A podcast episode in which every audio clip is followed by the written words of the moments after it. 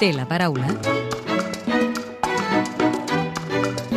Soc El Sartadi, soc diputada al Parlament de Catalunya des de la darrera legislatura i també sóc la cap del grup municipal a Barcelona i, per tant, representant la ciutat de Barcelona al Parlament de Catalunya.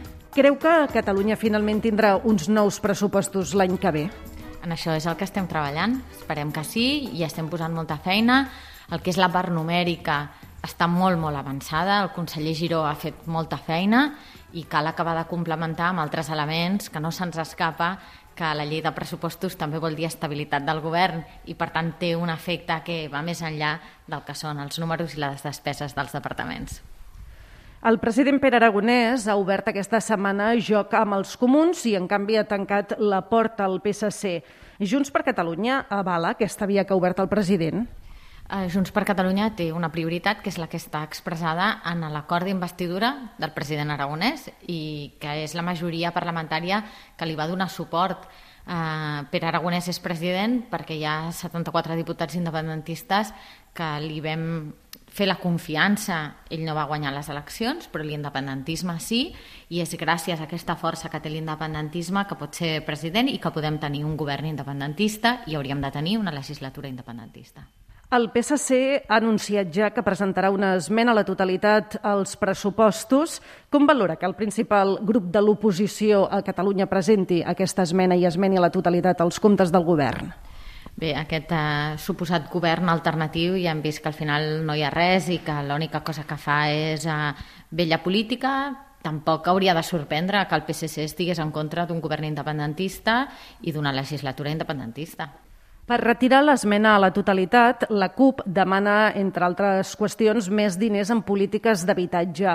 Hi ha marge per incrementar els 770 milions d'euros previstos als pressupostos?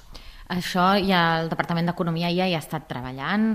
A les polítiques d'habitatge són una prioritat eh, per nosaltres, per Junts per Catalunya, tant a l'Ajuntament com a la Generalitat de Catalunya. S'està treballant i s'ha aconseguit poder ampliar aquesta partida. Jo crec que és un dels elements que quan parlem de números importa més eh, al, eh, a les CUP i per tant és una prioritat que hem aconseguit no? doncs, eh, donar-li la màxima importància hi ha hagut el marge i el marge aquest s'aplicarà per poder tenir aquestes eh, polítiques d'habitatges en el voltant d'aquests eh, mil milions. La CUP també demana que retirin macroprojectes com per exemple el Hard Rock, eh, l'ampliació de l'aeroport del Prat o els Jocs Olímpics d'hivern. Creu que Catalunya pot encarar la reactivació econòmica sense aquests projectes? L'ampliació de l'aeroport, malauradament, no depèn de nosaltres. Hi ha una ministra socialista, exalcaldessa al Baix Llobregat, que va anunciar que el Partit dels Socialistes, que el govern de Pedro Sánchez, es renunciava a ampliar l'aeroport del Prat, com hem sospitat que farien des del principi. En el cas de, de, de la candidatura de Jocs Olímpics Pirineus, nosaltres entenem que no hem de ser, en el nostre cas, eh, per exemple, des de Barcelona, que s'ha de dir què s'ha de fer i què no s'ha de fer. Al contrari, hem d'acompanyar la decisió que prenguin des de les comarques dels Pirineus i per això està previst que hi hagi una consulta i en el cas de l'ampliació del que és el Parc Temàtic de Port Aventura amb un complement d'una empresa com és Hard Rock, que és una empresa que està perfectament auditada, que és perfectament eh, no, homologable a qualsevol empresa, és un projecte que s'ha treballat amb tots el rigor i amb tots els controls i per tant, i que a més a més és un projecte que té una gran acceptació en el territori és a dir, crec que no podem parlar en general de macroprojectes, sinó s'ha de veure en cada cas on som i què s'ha de fer. I per tant, mm, crec que també hi ha matisos en com fem les coses i jo fugiria d'aquests maximalismes. La CUP eh, també demana com a condició per facilitar la tramitació dels pressupostos eh, un full de ruta cap a un nou referèndum. Aquest referèndum s'ha de fer aquesta legislatura. Quina és la proposta de Junts?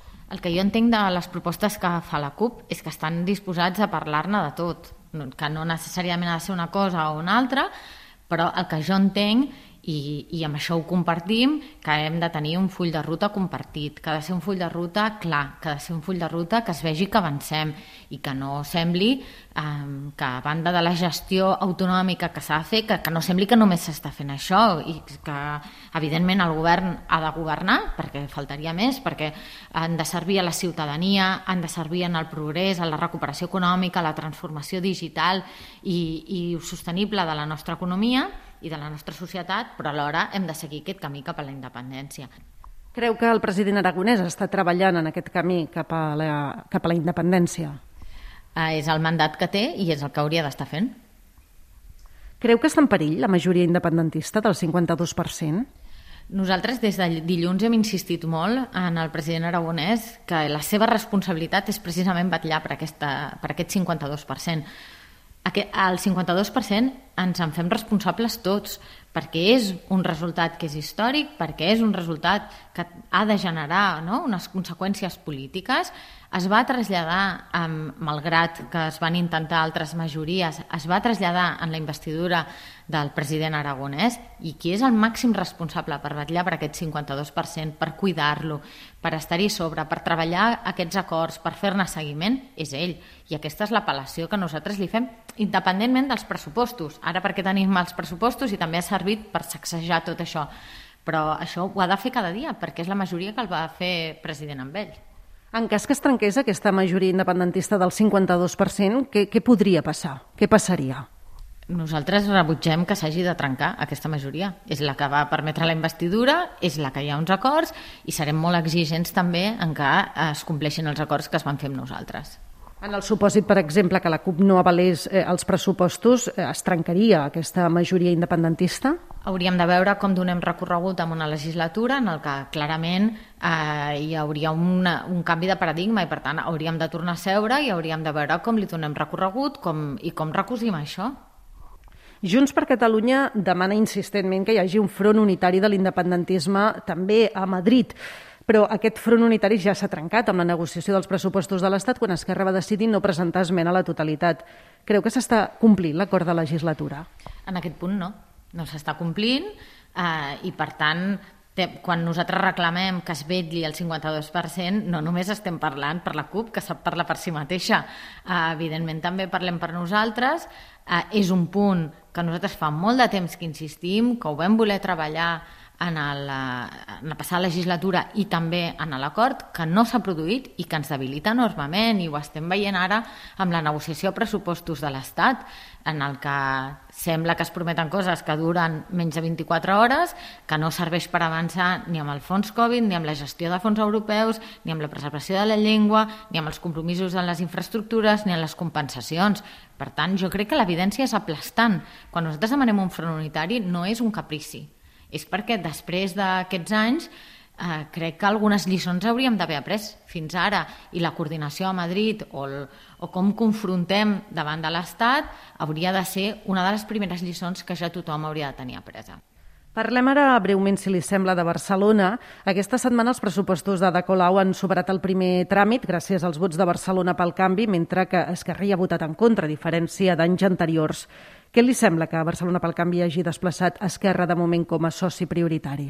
Bé, això té dues parts. La primera, el que sembla una estratègia tàctica d'Esquerra Republicana, de que veient el fracàs de les polítiques del que podem anomenar el pitjor govern des de la democràcia de l'Ajuntament de Barcelona i un rebuig molt ampli de la societat barcelonina cap a les polítiques i la gestió municipal, doncs veient l'horitzó electoral comença a posar-hi distància. Però això sembla tàctic absolutament quan el senyor Ernest Maragall repeteix públicament eh, que Esquerra i Comuns són els socis naturals i li dona suport en totes les polítiques. Per tant, hi ha aquest primer element i després hi ha un segon element que el veiem d'una manera recurrent a l'Ajuntament de Barcelona, que és eh, que sempre que ho necessiten, aquí hi ha un Amics per sempre, que es diu Partit de Manuel Valls, que va servir per investir a De Colau, que ha servit per salvar-la de reprovacions també aquí a l'Ajuntament i que quan cal també sempre hi és per aprovar pressupostos. Per tant, aquests senyors dels comuns que havien de saltar els cels al final es mantenen a la cadira i es mantenen al poder gràcies al partit de Manuel Valls. Creu que el fet que el president aragonès hagi obert el front dels comuns per negociar els pressupostos de la Generalitat podria acabar fent que Esquerra també acabés avalant els pressupostos de l'Ajuntament de Barcelona en la votació definitiva? No ho descarto. Si li sembla bé, ens endinsem ara en el terreny més personal. Li demano ara si pot contestar amb respostes al màxim de breus possibles. Per què va decidir fer política? Per servir a la ciutadania. Digui'm dos adjectius que millor la defineixen. Uh, treballadora, i sincera. Amb quin diputat o diputada que no sigui del seu grup compartiria una sobretaula distesa? Potser amb en Josep Maria Jové. sé que una de les seves grans passions és el ioga. Què li aporta? Serenitat, sobretot, i, i més amplitud eh, mental, de mires i espiritual. Té algun paisatge favorit? Ara mateix el Priorat. Recorda que volia ser de petita? Metge. I ja per acabar, completi la frase següent. El que més m'agradaria del món és... El que més m'agradaria del món és que s'impregnes d'amor. El Sartadi, diputada de Junts per Catalunya al Parlament, gràcies per atendre'ns a l'hemicicle de Catalunya Informació. Moltíssimes gràcies a vosaltres. Podeu tornar a escoltar l'hemicicle al web catradio.cat barra hemicicle o al podcast del programa i seguir l'actualitat del Parlament al perfil de Twitter arroba L-hemicicle.